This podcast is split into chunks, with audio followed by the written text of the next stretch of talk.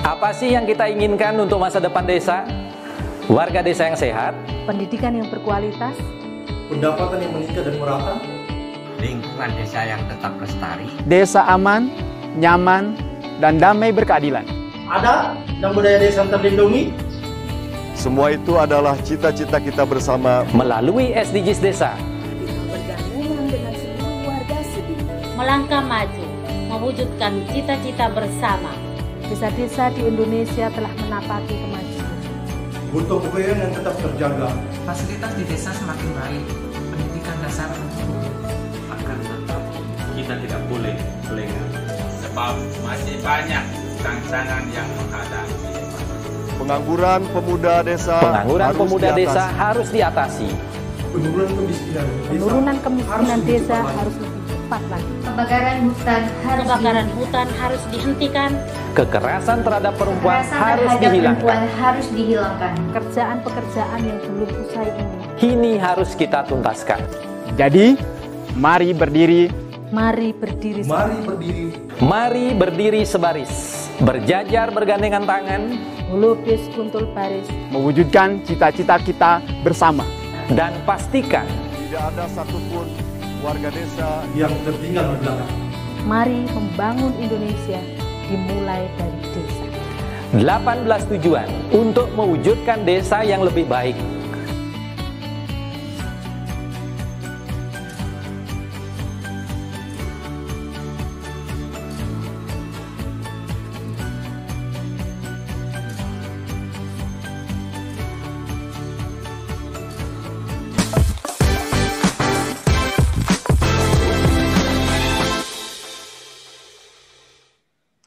Salam bahagia kerabat desa Indonesia. Sarapan Selamat pagi. Indonesia kita mulai uh, seperti biasa pukul 6 sampai pukul 7. Uh, kita pagi ini akan mendiskusikan, akan meng- mengobrolkan, akan membicarakan tentang di mana perempuan dalam pembangunan desa. Jadi bagaimana uh, kita masuk di seri SDGs uh, desa goals yang kelima yaitu apa uh, keberadaan perempuan ini dalam proses pembangunan di desa. Sudah hadir di sini ada Prof Yoyon, selamat pagi, ada uh, Mas Arif, ada Mas Sugeng, dan juga sudah bergabung ini baru saja apa uh, bergabung Gus Ivan Novik Agusta. Jadi uh, peran perempuan ini seperti apa di desa? Kalau dalam undang-undang uh, desa uh, peran perempuan ini sudah sudah dalam tanda petik diwajibkan ketika bicara posisi badan permusyawaratan desa itu harus ada keterwakilan perempuan. Itu uh, di uh, undang-undang desa. Nah, sekarang kita ingin tahu sebenarnya di goals kelima tentang tentang perempuan ini seperti apa sih? Jadi SDGs desa dengan 18 goalsnya yang terakhir itu goalsnya yang dari Kemendes yang spesial dari Gus Menteri itu tentang apa budaya desa yang adaptif jadi mungkin budaya desa kita kemarin agak kurang apa friendly atau kurang memberikan tempat ke perempuan bisa jadi ini harus adaptif. Jadi uh, kita uh, akan langsung mendengar nih dari apa dari Gus Ivan karena sudah sudah bergabung di forum ini dan yang punya acara yang yang apa tuan rumah dari acara ini. Silakan Gesiwan apa uh, bisa menyampaikan tentang SDGs Desa Gus kelima ini. Silakan Gus.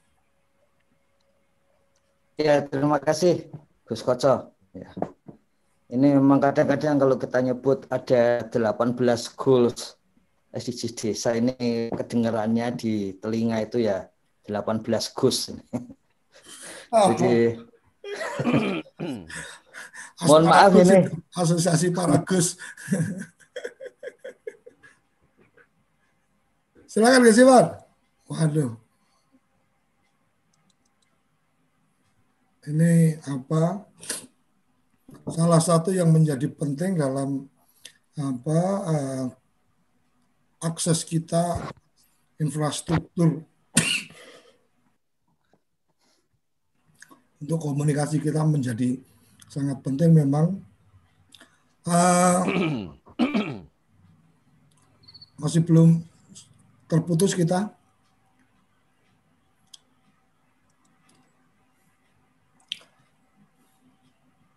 Halo, Gus Iwan. Halo. Ya. Sudah bisa kah? Silakan sudah, lanjut. Sudah terdengar, sudah dengar Gus? Sudah terdengar audionya. Ya. Visualnya aja mungkin hilang.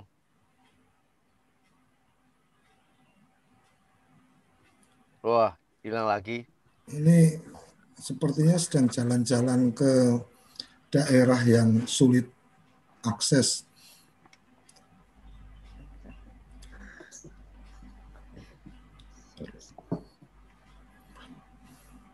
Halo Gus Iwan. Mungkin sambil menunggu Gus Iwan kita ke Prof. Nah, ini udah masuk lagi, udah, udah. Oh, udah. Monggo. Monggo, monggo, Gus. Monggo, ya. Mohon maaf ini. Sebetulnya agak memalukan juga ini. Namanya kepala pusdatin tapi internetnya enggak. Jadi memang apa internet yang beres itu ya cuman di kantor Kemendes begitu sampai di rumah masing-masing. nah, itu Gus. Jadi Gus Koco jadi apa namanya itu eh, tentang perempuan ini ya. Sebetulnya kita sama-sama tahu ini kalau untuk kasus eh, di luar Eropa sebetulnya termasuk terutama di Jawa itu itu agak agak rumit kalau kita membicarakan uh, perempuan karena lazimnya di tempat kita perempuan juga ikut serta dalam berbagai kebijakan. Hmm. Tapi itu dulu ya, itu dulu. Dan kemudian karena tersapu oleh budaya-budaya baru begitu sehingga kemudian peran perempuan menjadi sedikit berkurang. Dalam hmm. dalam contoh misalnya perempuan petani misalnya ya itu sering kali muncul kasus-kasus bagaimana pengambilan keputusan terutama berkaitan dengan pemasaran itu oleh oleh perempuan gitu ya. Tapi toh tidak muncul di permukaan ya. Ada contoh-contoh perempuan yang kuat dan perkasa tapi itu juga tidak terlalu umum ya. Tapi kalau kita lihat lebih jauh ke belakang ya.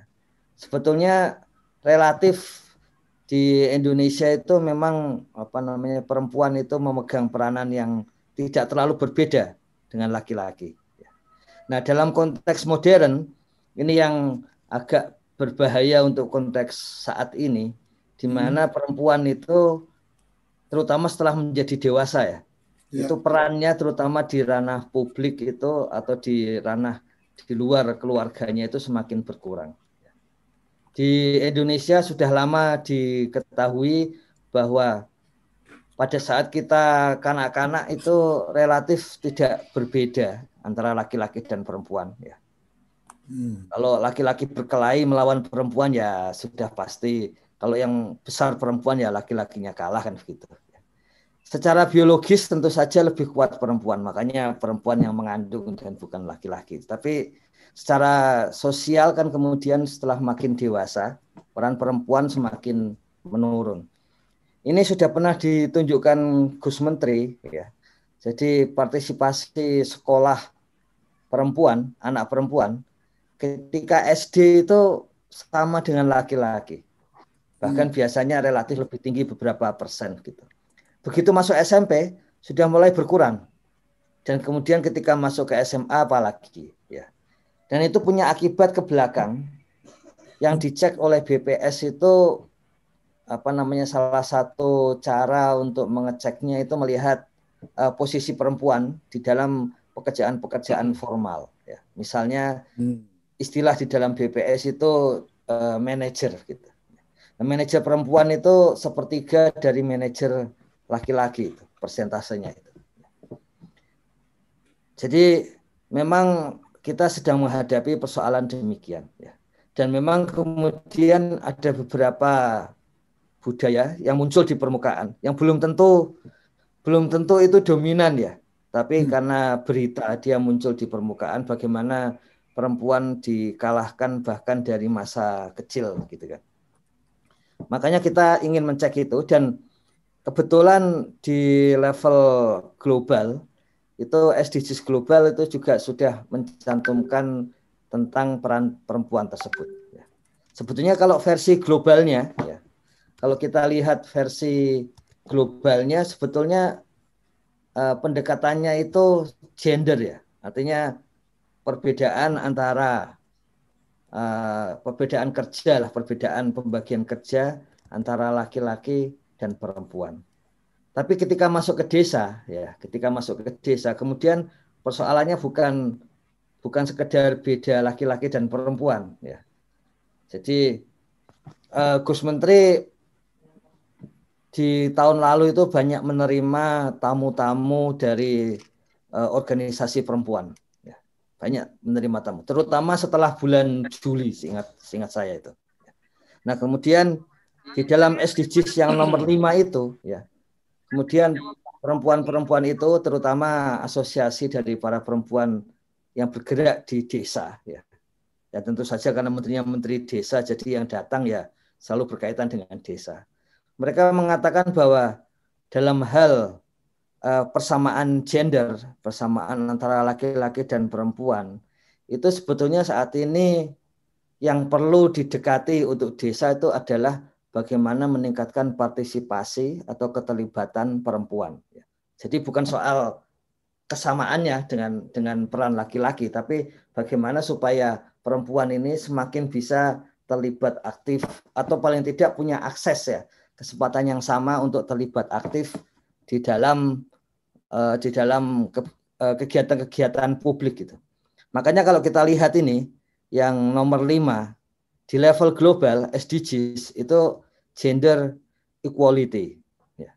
Kemudian diterjemahkan di dalam uh, kondisi apa tujuan pembangunan nasional itu sebagai kesetaraan gender. Ya.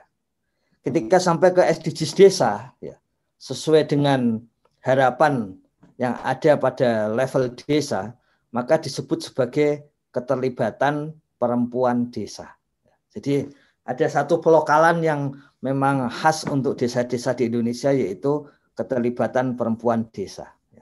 Nah yang kita lihat di dalamnya adalah berkaitan dengan yang pertama itu adalah ada satu landasan hukum bahwa perempuan itu uh, memiliki akses yang sama dengan laki-laki di dalam uh, apa namanya kebijakan-kebijakan publik dan dan turunannya.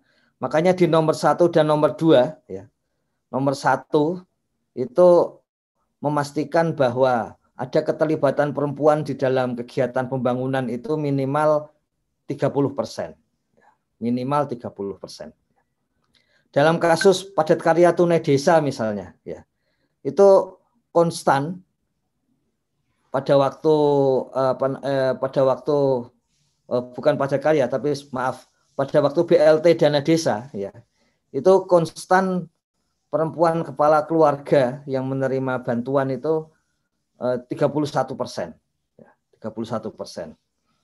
Dalam padat karya tunai desa sayangnya jauh jauh di bawah jauh di bawah. Jadi tidak sampai 5 persen. Gitu. Jadi memang harapannya kenapa minimal 30 persen ini harapan minimal sebetulnya. Karena Kenapa disebut harapan minimal? Karena pada dasarnya pada awalnya antara perempuan dan laki-laki itu ketika akses terhadap pendidikan dasar itu setara, 50-50, 50 persen, 50 persen. Tapi sampai ke atas semakin kecil, makanya dimulai dari 30 persen. Dan ini angka 30 persen sudah menjadi angka dunia gitu, jadi digunakan di sini. Kemudian ada perdes Nomor dua, Perdes atau SKKDes yang menjamin perempuan mendapatkan pelayanan informasi dan pendidikan terkait dengan keluarga berencana dan kesehatan reproduksi. Jadi ini juga untuk melindungi uh, aspek bukan sekedar gender ini, tapi aspek bagaimana tubuh perempuan ini memiliki kekhasan. Ya.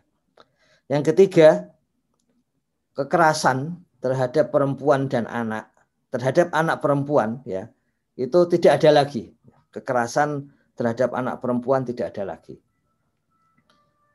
Nanti di SDGs desa nomor 16 itu kekerasan terhadap anak baik laki-laki perempuan tidak ada. Tapi untuk yang nomor 5 ini SDGs desanya khusus kepada anak perempuan. Kemudian jika sampai terjadi kekerasan terhadap perempuan, maka seluruh perempuan itu no one left behind itu mendapat layanan komprehensif. Baik itu untuk apa namanya pengobatan psikis maupun aspek-aspek yang sifatnya material. Ya. Kemudian median usia kawin pertama perempuan itu di atas 18 tahun. Jadi di dalam pendataan SDG desa misalnya ditanya menikah pada tanggal berapa gitu atau tahun berapa gitu untuk mengetahui apakah masih banyak perempuan desa yang menikah di bawah 18 tahun. Ini ini persoalan eh, apa namanya reproduksi di tubuh perempuan. Angka kelahiran pada remaja usia 15-19 tahun itu tidak ada lagi.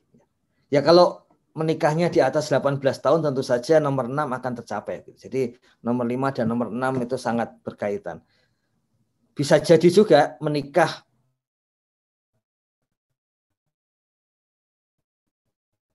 di bawah 18 tahun tapi supaya memiliki anaknya di umur setelah 18 tahun. Bisa terjadi seperti itu. Ya. Tapi yang jelas eh, kelahiran di bawah 18 tahun tentu saja berisiko dan itu perlu ditangani. Ya. Kemudian APK untuk SMA ini khusus perempuan itu 100 persen. Ya. Jadi angka partisipasi kasar artinya perempuan pada usia SMA yang tetap SMA, tetap bersekolah itu seluruhnya. Mengapa SMA digunakan sebagai indikator? Karena memang kalau kita gunakan SD bisa tadi relatif sudah bagus angkanya. SMP sudah mulai turun tapi eh, apa namanya itu indikator yang lebih jelas lagi adalah di SMA.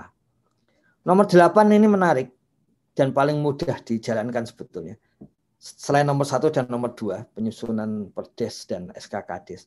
Nomor delapan ini persentase perempuan di BPD dan perangkat desa itu minimal 30 persen. Jadi eh, langsung masuk ke dalam jantung dari desa di perangkat dan di BPD itu 30 persen. Tentu saja bisa jadi ada alasan ya apakah mampu dan pengalaman dan sebagainya. Yaitu kalau seperti itu ya berarti kita memampukan dan membuat ada pengalaman-pengalaman dari perempuan desa. Kemudian unmet need ya artinya orang yang butuh KB tapi tidak bisa mendapatkan fasilitas KB itu tidak ada lagi. Jadi ini mencapai 0%.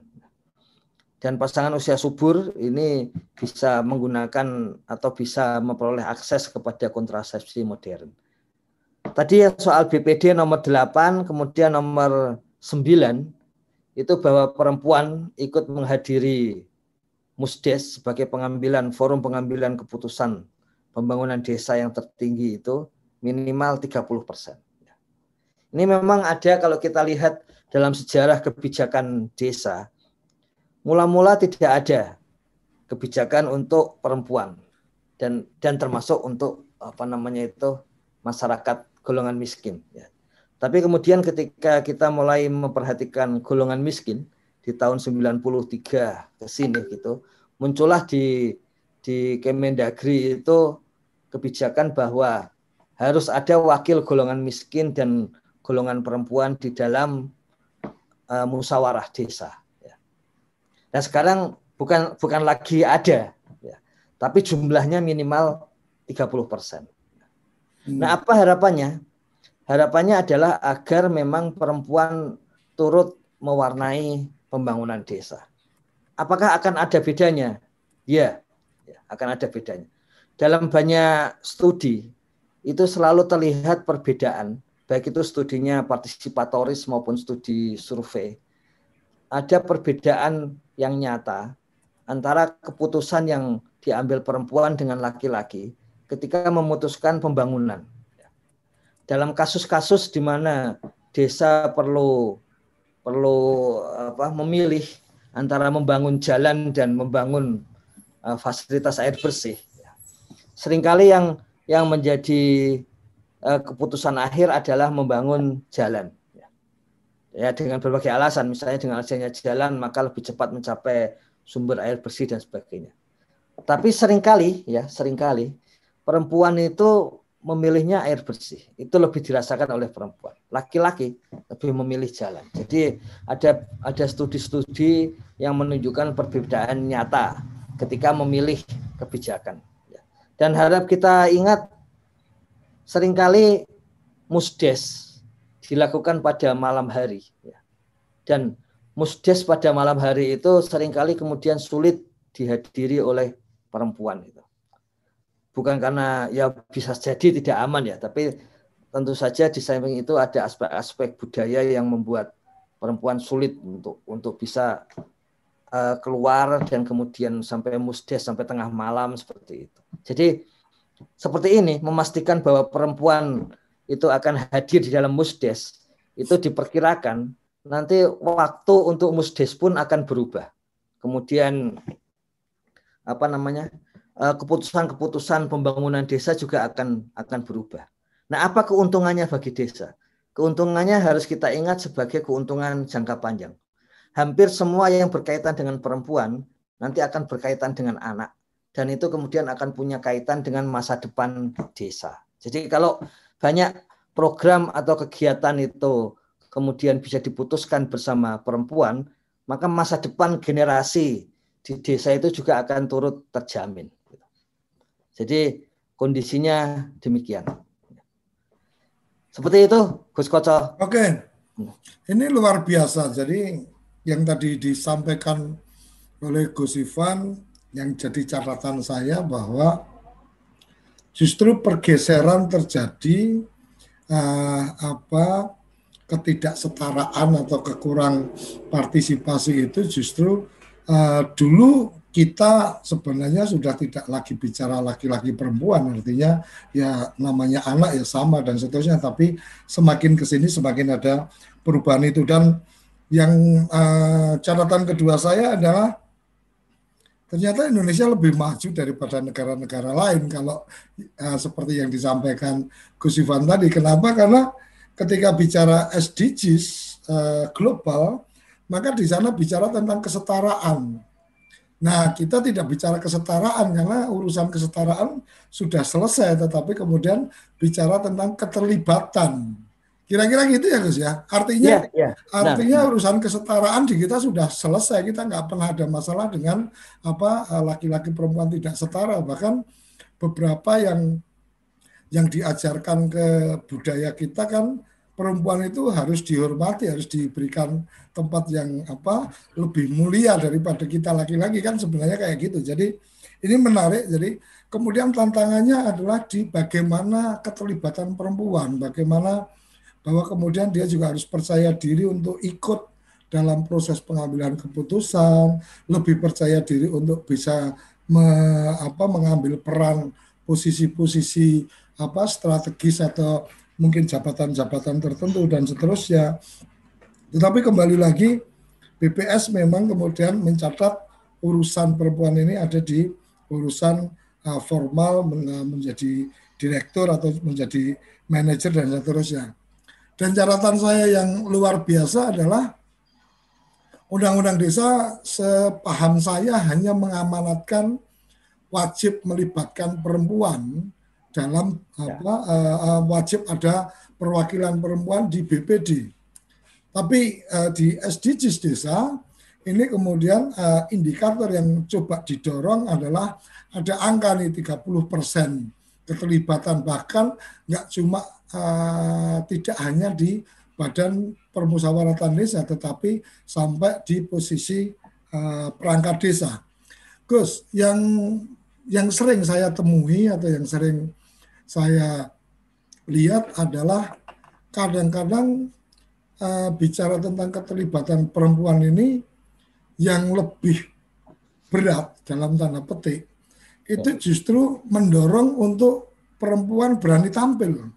Hmm. Nah ini yang apa? Ini yang menjadi menjadi tantangan mungkin. Nah ini kalau menurut Gusifan gimana? Artinya artinya saya sering sering ketemu dengan teman-teman apa uh, komunitas apa kesetaraan gender dan seterusnya. Saya bilang sebenarnya itu urusan sudah selesai. Ini urusannya kan sebenarnya tentang bagaimana perempuan juga memang tertarik masuk untuk kemudian terlibat di situ. Karena kadang-kadang banyak juga perempuan-perempuan apa kita yang kemudian merasa bangga, merasa bahagia ketika dia menjadi seorang ibu rumah tangga yang bisa menjaga, membesarkan anak dan seterusnya. Sementara sepertinya pekerjaan ibu rumah tangga itu tidak masuk dalam konteks apa pekerjaan yang uh, dalam daftar uh, di apa di KTP pun ketika apa ini kan apa ada pekerjaan ibu rumah tangga kan nggak ada. Gimana ini Gus? Karena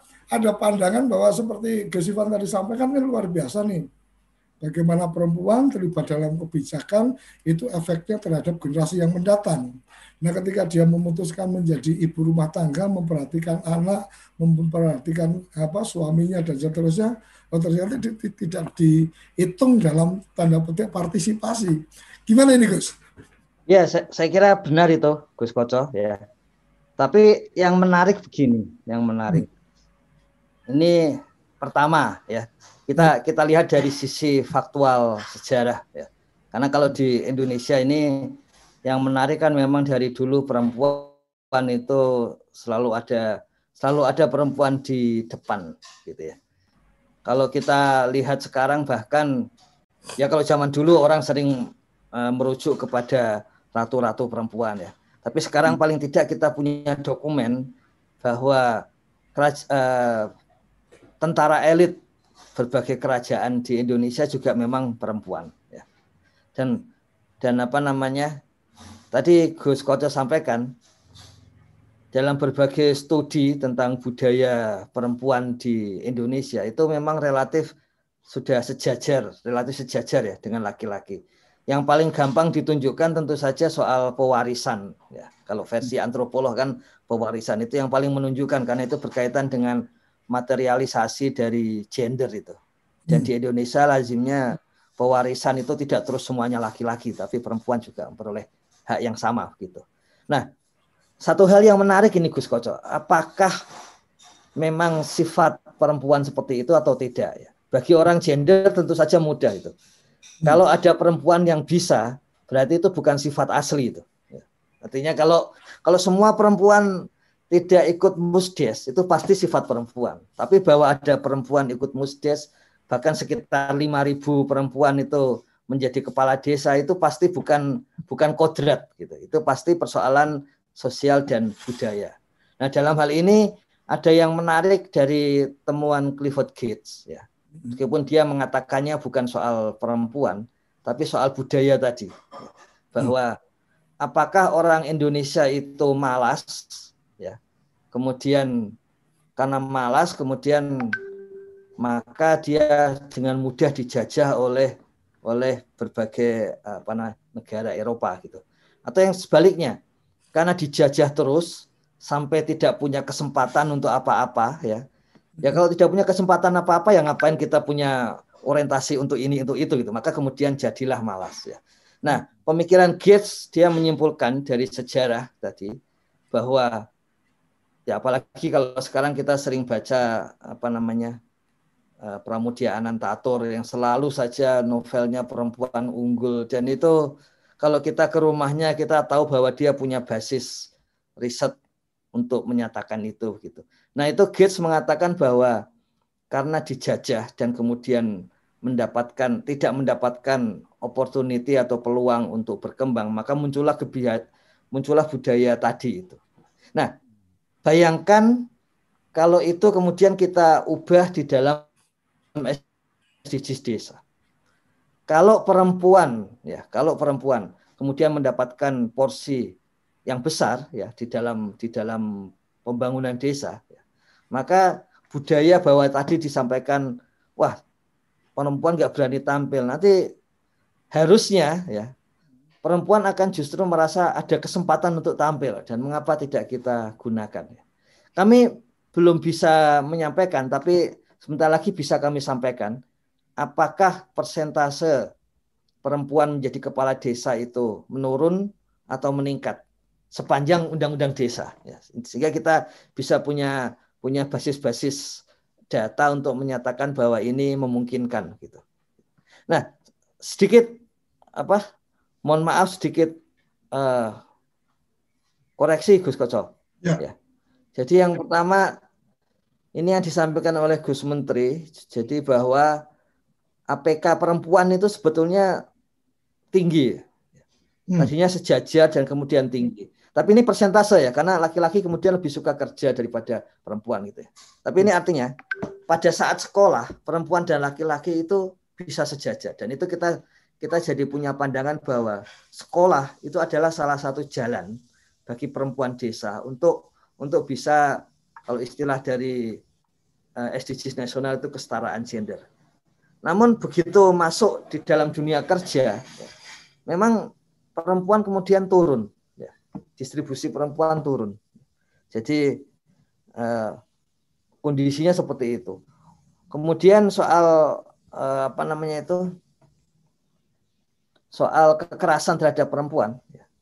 di desa itu memang memang rendah, ya, memang rendah. Jadi ada tiga persen ya hmm. tiga persen yang seksual non kontak itu maksudnya adalah kalau kita switch switch gitu kepada perempuan itu ya itu masuk seksual non kontak itu ya nah kalau hmm. seksual kontak itu apa namanya itu uh, termasuk uh, pemerkosaan. Hmm. Bayangkan kalau itu enam persen enam persen berarti kan enam dari seratus perempuan desa sangat tinggi sangat tinggi karena itu logis bahwa di dalam SDG desa pun kemudian soal kekerasan terhadap perempuan itu uh, menempati posisi tertentu juga yang harus ditangani. Gitu. Jadi tadi intinya Gus Koco, kita kembali kepada ya, karena menterinya juga berkaitan dengan budaya dan sangat kuat beliau sudah pasti itu. Kemudian bisa memahami dengan cepat gitu. Ini Gus Koco dan kerabat desa yang lain dengan kita mengubah cara ini, struktur ini, ya, maka budaya di desa juga akan ikut berubah. Sama seperti temuan dari Clifford Gates, tadinya di budaya kita, bahkan laki-laki dan perempuan di masa lalu kan sekarang kita tahu gambarnya ya. Laki-laki perempuan masa lalu memang tidak terlalu ada bedanya. Sama-sama gondrong kan seperti itu. Apa namanya? Ya tidak tidak terlalu membedakan baik fisik maupun itu. Ya. Harap kita ingat ya, pembedaan fisik itu secara sosiologis sering kali mempengaruhi budaya juga. Ya kita gampang tahu kalau menjelang mau masuk ke apa namanya itu, mau masuk ke tempat ibadah, kemudian fisik kita berubah semua, baik itu yang beragama Islam, Kristen dan sebagainya. Karena itu mempengaruhi itu, mempengaruhi uh, uh, budaya juga. Nah kita sama ini, kalau strukturnya memastikan bahwa perempuan itu memiliki peluang ya maka itu akan menumbuhkan menumbuhkan hasrat untuk tampil juga itu Gus Koco. Oke, oke, uh, saya akan mencoba bertanya atau memberikan kesempatan. Bertanya kepada teman-teman memberikan komentar. Ada Mas Sugeng ini perangkat desa, ada Mbah Pardi kepala desa, ada Mas Tri Handoko, ada juga Mas Arif, nanti juga apa Prof. Yoyon akan apa kita minta untuk pandangan-pandangannya, tapi kita akan jeda sesaat, jangan ke mana-mana, tetap di sarapan SDGs Desa bersama pemain desa. SSFF 2020 by TV Desa dan Rumah Film Avandi.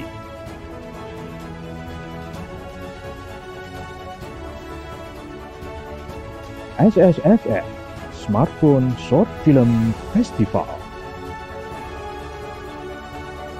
Hanya remaja 19 tahun dan hanya pakai smartphone. Diikuti oleh 344 peserta dari 22 provinsi.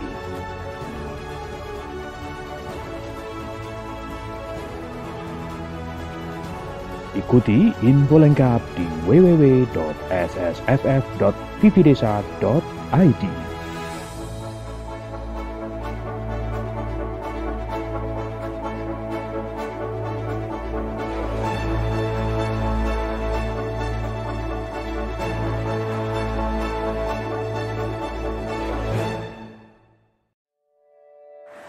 sih yang kita inginkan untuk masa depan desa? Warga desa yang sehat, pendidikan yang berkualitas, pendapatan yang meningkat dan merata, lingkungan desa yang tetap lestari, desa aman, nyaman, dan damai berkeadilan. Ada dan budaya desa terlindungi. Semua itu adalah cita-cita kita bersama melalui SDGs desa. Satu, desa tanpa kemiskinan. Dua, desa tanpa kelaparan. Tiga, desa sehat sejahtera. Empat, pendidikan desa berkualitas. 5. Keterlibatan perempuan desa. Desa layak air bersih dan sanitasi. 7. Desa berenergi bersih dan terbarukan. 8. Pertumbuhan ekonomi desa merata. 9. Infrastruktur dan inovasi desa sesuai kebutuhan. 10. Desa tanpa kesenjangan. 11. Kawasan permukiman desa aman dan nyaman. 12. Konsumsi dan produksi desa sadar lingkungan. 13. Desa tanggap perubahan iklim. 14. Desa peduli lingkungan laut. 15. Desa peduli lingkungan darat. 16. Desa damai berkeadilan. 17. Kemitraan untuk membangun desa. 18. Kelembagaan desa dinamis dan budaya desa adaptif.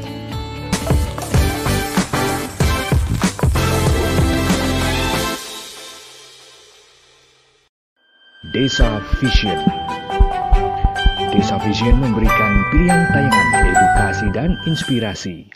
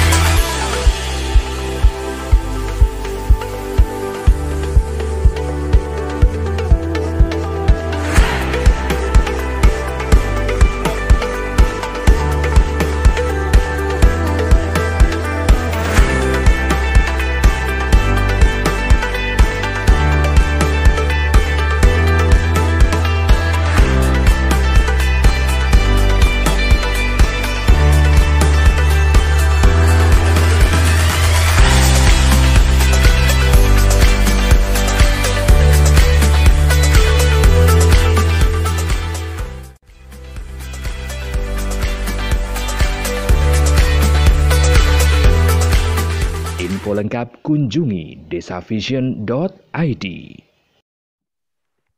Oke, kembali ke sarapan SDGs desa. Kita sudah mendengarkan dari Kementerian Desa nih tentang indikator-indikator tentang keterlibatan perempuan desa.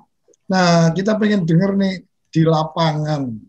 Ada Mas Sugeng Priyatno ini uh, apa salah satu perangkat desa di Kabupaten Banyumas, salah satu yang rutin ini apa sarapan pagi selalu bergabung. Terima kasih Mas Sugeng. Mas Sugeng, saya pengen tanya ini, uh, ketika bicara keterlibatan perempuan, sebenarnya tantangannya apa ini kalau di desa? Apakah memang perempuan di desa itu kemudian secara adat itu manut, apa konco wingking, derek saja apa yang di apa yang diputuskan suaminya atau bapak-bapak dan seterusnya kemudian mereka tidak tertarik apa untuk terlibat dalam kegiatan-kegiatan atau kalau diminta pasti terlibat dan seterusnya. Moga Mas Sugeng bisa berbagi cerita. Nanti kita juga akan mendengarkan dari Mbah Lurah Pardi ini yang apa cukup apa fenomenal untuk bagaimana menggerakkan uh, desanya. Mas Sugeng dulu. Moga silakan Mas Sugeng. Baik, uh, terima kasih dan Koco. Selamat pagi buat kerabat desa semuanya. Uh, di desa kami, khususnya saya bercerita di desa kami uh, tentang keterlibatan uh, perempuan, terutama dengan adanya undang lahirnya undang-undang desa. Uh, sejak saat itu pula kami uh, sangat memperhatikan tentang adanya uh, perempuan. Hmm. Terbukti dengan adanya uh, kami melibatkan di uh, di acara-acara musdes ataupun musdus uh, bahkan di tim pembangunan desa ataupun tim 11 ataupun yang lainnya itu kita selalu melibatkan uh, keterwakilan daripada perempuan. Minimal dalam uh, acara musdus ataupun rapat-rapat yang diselenggarakan oleh desa, itu ada kurang lebih sepertiga yang hadir adalah perempuan. Kalau di tempat kami, alhamdulillah untuk keterlibatan dalam acara-acara musdus ataupun uh, musdes, justru uh, perempuan ini lebih aktif daripada uh, yang laki-lakinya. Oh. Keuntungannya, artinya begini, uh, datang sudah, pasti lebih sudah awal. mulai sudah mulai diberi ruang kemudian banyak memberikan masukan atau tuntutan dan tanda petik iya iya betul ini uh, banyak memberikan masukan seperti tadi yang uh, disampaikan dari Kemendes bahwa uh, ada hal-hal yang tidak bisa terjangkau oleh kaum laki-laki contohnya lah ini yang hanya bisa mungkin dimengerti oleh perempuan ya tentang permintaan data uh, pasangan usia subur, terus ibu hamil dan sebagainya. Ini yang banyak tahu adalah yang perempuan dari perempuan, terutama dari para para kader posyandu itu yang kebanyakan perempuan.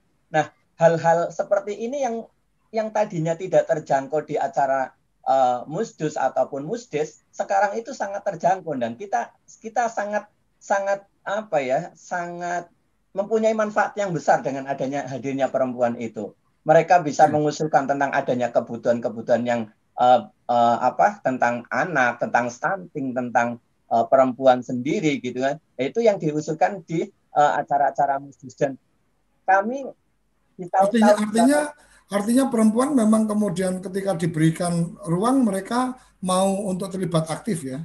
Muncul dan itu jadi usulan-usulan dari perempuan justru itu malah yaitu tadi yang tidak kami jangkau yang tidak bisa kami jangkau justru malah muncul sekali dari perempuan. Artinya kami sangat beruntung kayak gitu dan.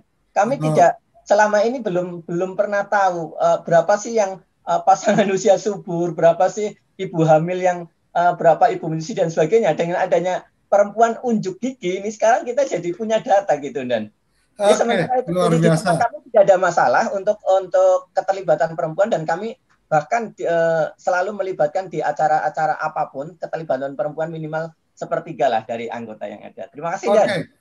Terima kasih Mas Sugeng, ini luar biasa. Jadi seperti yang disampaikan Gus Ivan tadi, urusannya itu diberikan kesempatan atau enggak. Kalau enggak diberikan kesempatan ya jadinya memang kemudian uh, bisa dianggap tidak apa uh, orang ber, beranggapan tidak ada partisipasi karena memang nggak pernah diberikan kesempatan tapi kalau diberikan kesempatan otomatis kemudian partisipasinya muncul. Mbah Parti Mbah Lurah. Halo Terima kasih. Assalamualaikum. Sugeng Enjing, Mas Koco, Prof. Yoyon, Gus Ivan, dan semua Mas Sugeng tadi yang sudah bentar. Terima kasih. Mungkin kami juga menceritakan tentang desa kami saja, karena kami sebelumnya desa. Ya. Uh, jadi keterlibatan wanita dan partisipasi wanita di desa terutama ini sangat eh, terutama semangatnya itu tidak kalah dengan laki-laki. Terutama seperti disampaikan oleh Mas Sugeng tadi di bidang data posyandu, kesehatan dan sebagainya, bahkan di eh, lembaga pemerintahan pun eh, desa di Poncol kami baru-baru ini ada pembukaan sekdes terbuka itu, bahkan dua desa itu diisi dari unsur eh, wanita, ya ya macam itu. Terus yang di desa pun sebetulnya ibu-ibu kita atau peran di bidang rumah tangga itu di bidang ekonomi eh, ibu-ibu kita ini juga sangat semangat sekali walaupun sifatnya mendampingi suami tapi juga sebagai pekerja di rumah tangga yang petani, petani, peternak, mengurus semua segala macam itu juga mendukung uh, di ekonomi. Bahkan sekarang untuk di desa itu uh, tenaga kerja istilahnya mencari tenaga yang wanita itu upahnya hampir standar dengan laki-laki. Hmm. Kalau laki-laki itu 80, yang wanita itu sudah mencapai 60 per hari eh, semacam itu. Kemudian dari eh, potensi partisipasi yang lain di lembaga desa ada genta, ada destana, kemudian juga eh, dari ibu-ibu itu sangat semangat sekali kita beri peran sebagai eh, apa eh, untuk di dapur umum mendirikan kegiatan-kegiatan sosial semacam itu dari ibu-ibu muda terutama itu sangat sangat eh, antusias sekali dan semangat sekali. Jadi peran wanita di pembangunan ini saya kira tidak kalah dengan laki-laki walaupun mungkin sifatnya adalah meningkatkan partisipasi peran-peran mereka-mereka ini di bidang masing-masing, di bidang kader, di bidang UMKM, di bidang Karang Taruna pun yang wanita ini juga luar biasa.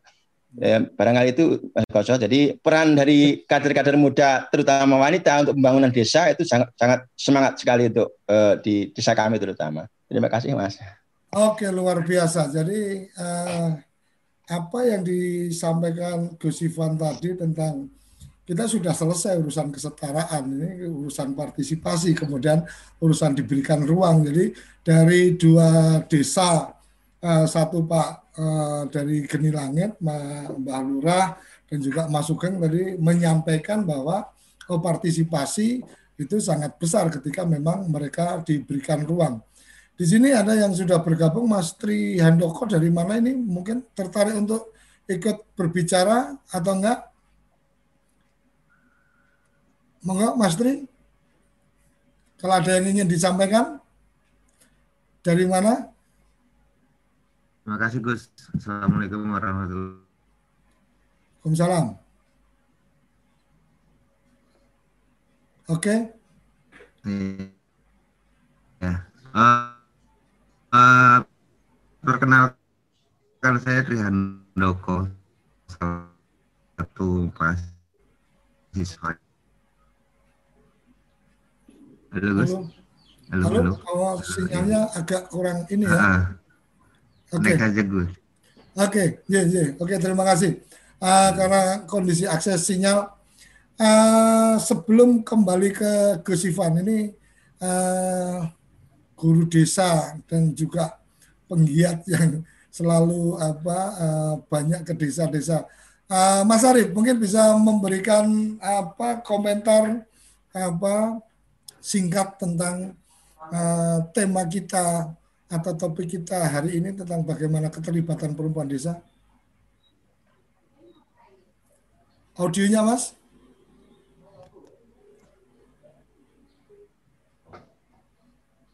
Halo? Halo, halo. Ya. Bisa masuk ya? Ya, silakan. Baik, terima kasih Pak Koco dan kawan-kawan yang uh, ikutan sarapan pagi. Saya mau ngusul besok kalau sarapan uh, juga menyampaikan menunya masing-masing supaya kelihatan bahwa kita sedang sarapan gitu. uh, Pak Koco, Pak Gusipan, Prof. Surya uh, dan kawan-kawan yang lain, uh, saya mencoba untuk mendekati agak kontras. Jadi kalau Gusipan menuliskan dan saya baca mengenai selalu ada angka 30%. Dulu pernah eh, bagaimana kita mencapai keterwakilan. Nah sekarang Gus Ivan sudah lebih maju bahwa tidak sekedar keterwakilan tetapi mengambil peran. Nah, saya ingin mendorong lebih jauh lagi, tidak sekedar mengambil peran tapi bisa membelanjakan 30% anggaran di desa. Hmm. Saya tidak tahu apakah itu anggaran dana desa atau anggaran khususan untuk pemberdayaan. Jadi 30 persennya terhadap pemberdayaan sendiri. Eh, sehingga uh, mereka bisa menyusun anggaran apa saja. Jadi tidak di, tidak diberikan uh, diberikan ini tugasmu, ini kegiatanmu, uh, besok buat ini ABCD bukan gitu. Tetapi di sejak awal mulai dididik untuk uh, menyusun anggaran uh, sehingga uh, hasil itu memang benar-benar tercapai. mudah-mudahan ini bisa menginspirasi Gus Ipan. Matur nuwun. Oke, Oke, jadi kalau uh, Mas Arif lebih menekankan pada adanya politik anggaran berpihak kepada perempuan, mungkin seperti itu. Ya, ya, ya. Uh, Kesifan silakan apa?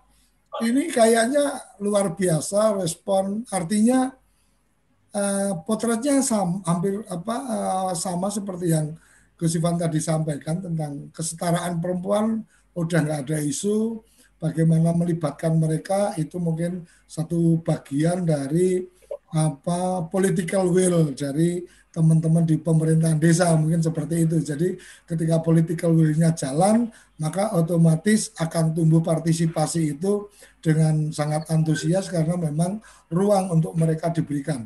Uh, Kesiwan silakan memberikan tanggapan atas apa yang yeah. tadi disampaikan Mas Sugeng, Mas uh, Mbah Parti dan Mas Arif.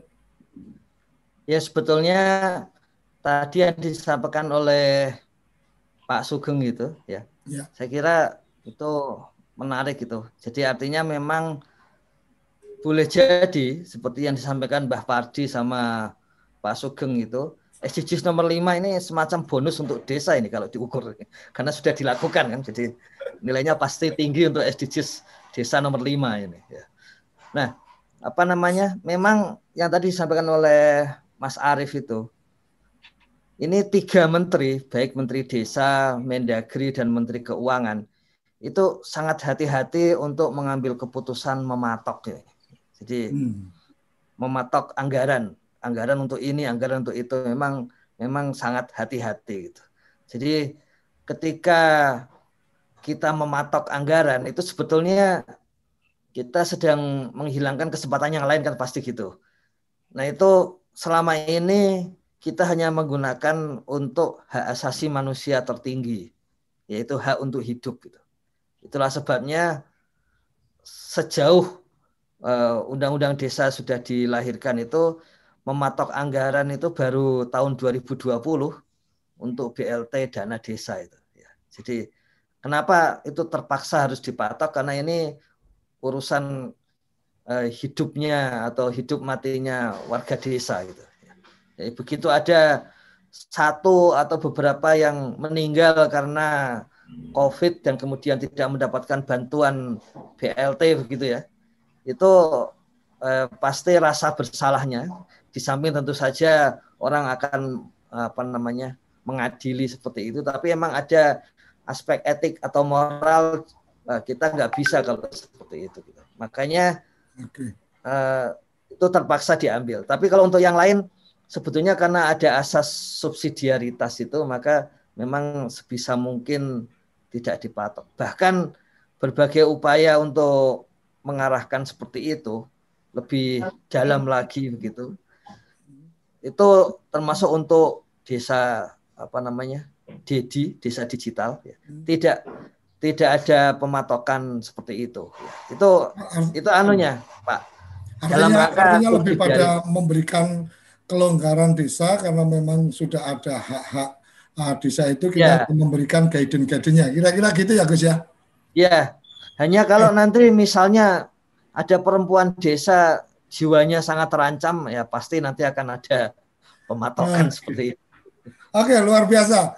Prof Yayan, uh, uh, kita coba akan apa?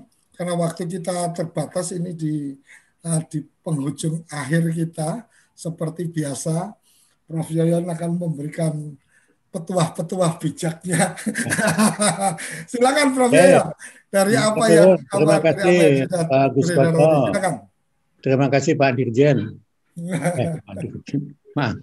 Pak Calon. Baik Ibu sekalian, pertama catatan saya satu. Memang peran perempuan yang tadi sudah dijelaskan oleh peran keterlibatan kontribusi dan macam-macam dari perempuan itu memang masih perlu ditingkatkan. Ya, itu poin pertama. Skema-skema yang tadi dijelaskan di tingkat kementerian dan lain-lain memberi ruang lebih terbuka untuk perempuan, saya kira sudah terbiasa, sudah terbuka, ya. sudah terbuka dengan baik. Catatan yang ketiga, memang situasi sekarang ini eh, anggaran itu harus fleksibel. Ya. karena uh, kejadian-kejadian itu luar biasa tanpa bisa diprediksi.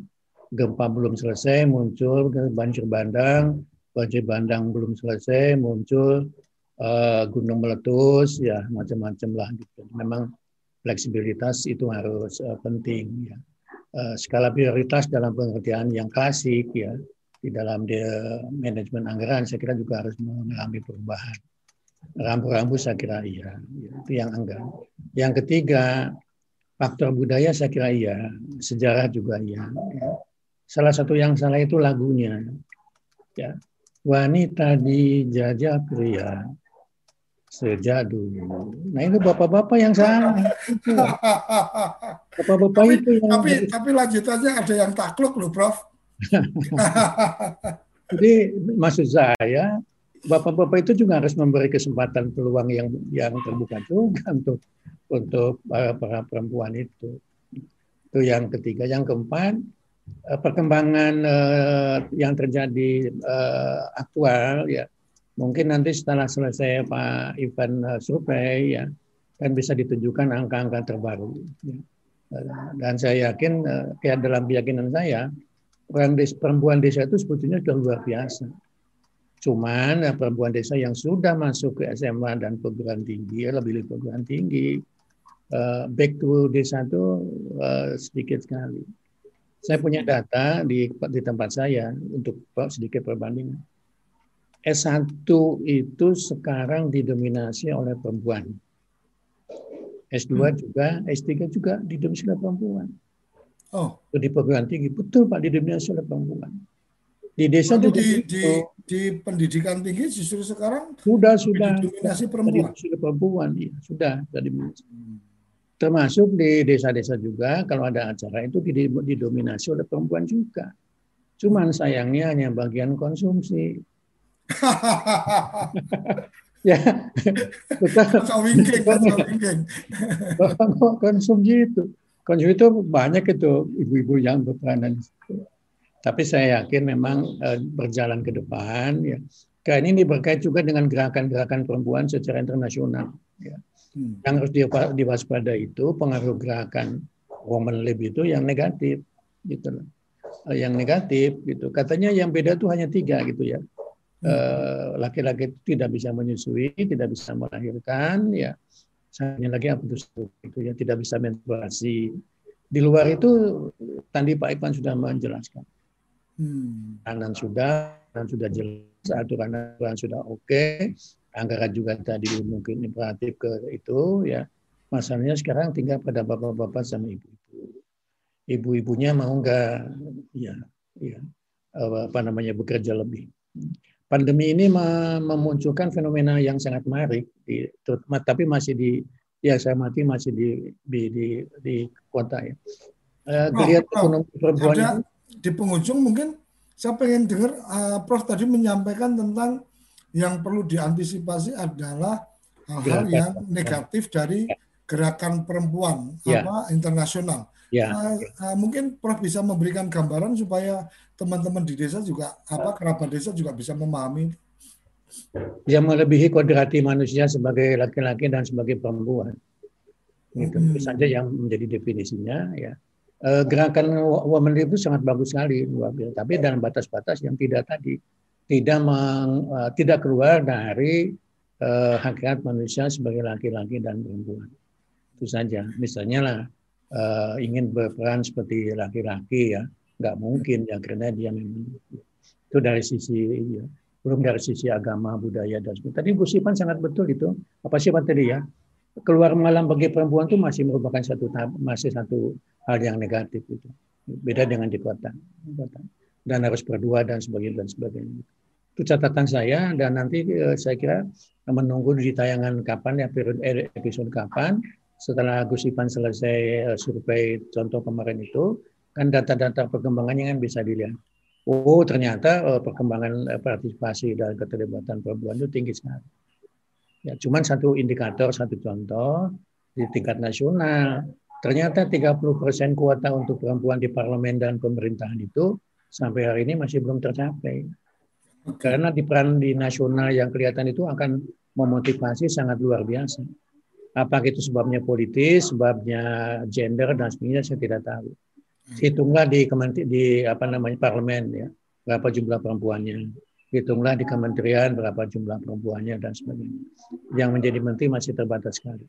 Tapi di tingkat di bawahnya eselon 1 eh, sudah banyak itu yang perempuan. Di kementerian saya melihat ada dua apa ya, dua dari empat gitu, apa tiga dari empat ya. Itu sudah lumayan. Di kementerian lain juga begitu. Banyak, alhamdulillah. Oke, Prof. Itu saya kira catatan saya ya. ya. Soal anggaran itu memang eh, soal kebijakan eh, nasional ya sekarang itu ya. Ada refocusing ke sini dan macam-macam karena fleksibilitas situasi yang dihadapi. Gitu. Mohon maaf ini eh, Bapak ya. Ibu sekalian, ini istri saya sedang masak di belakang, baunya mungkin nggak kena sampai ke situ ya. Oke, nanti tinggal disajikan, Bang. Oke, terima kasih sekali. Tanpa terasa kita sudah di penghujung acara kita. Ya, makasih semuanya. Ya, terima kasih Prof. Jadi tanpa terasa sudah sampai di jam 7 kita. Besok kita akan mendiskusikan atau mengangkat topik yang sangat luar biasa yang menjadi sangat penting adalah desa layak air bersih dan sanitasi. Jadi kemarin sempat tersampaikan bahwa ketika eh, air bersih dan sanitasi ini baik, maka banyak hal yang kemudian akan apa terkait tentang bagaimana kesehatan dan kemudian uh, apa bisa menanggulangi beberapa hal yang lain. Tapi yang mungkin perlu saya garis bawahi adalah ketika 18 SDGs nanti apa uh, sudah tersampaikan satu persatu oleh apa Gus Ivan, mungkin agenda berikutnya kita akan kemudian apa mengangkat best practice atau desa-desa yang sudah kemudian oh yang uh, SDG 1 ini ada inovasi apa dari desa mana kita coba angkat dan seterusnya dan saya yakin data dari Pusdatin Kemendes sudah sangat ada untuk kemudian mengundang kepala desa atau perangkat desa berbagi cerita. Sampai di sini sarapan SDGs desa bersama Kemendesa dan jangan lupa Senin sampai Jumat pukul 6 sampai pukul 7 kita bareng-bareng sarapan SDGs Desa bersama Kemendes dan Gus Novik Agusta. Sampai berjumpa esok hari.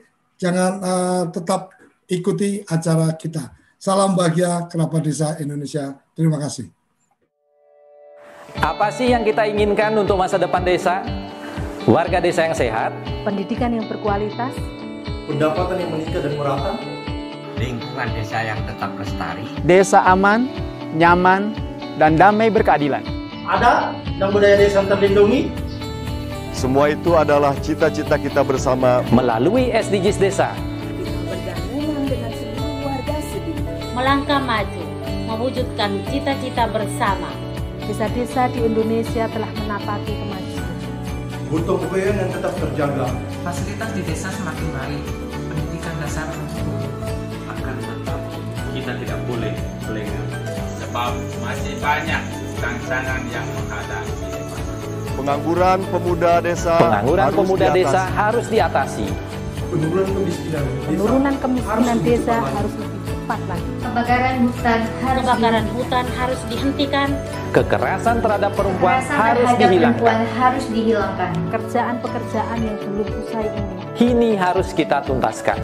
Jadi, mari berdiri Mari berdiri. Mari berdiri. Mari berdiri sebaris, berjajar bergandengan tangan, melukis kuntul baris, mewujudkan cita-cita kita bersama. Dan pastikan tidak ada satupun warga desa yang tertinggal di belakang. Mari membangun Indonesia dimulai dari desa. 18 tujuan untuk mewujudkan desa yang lebih baik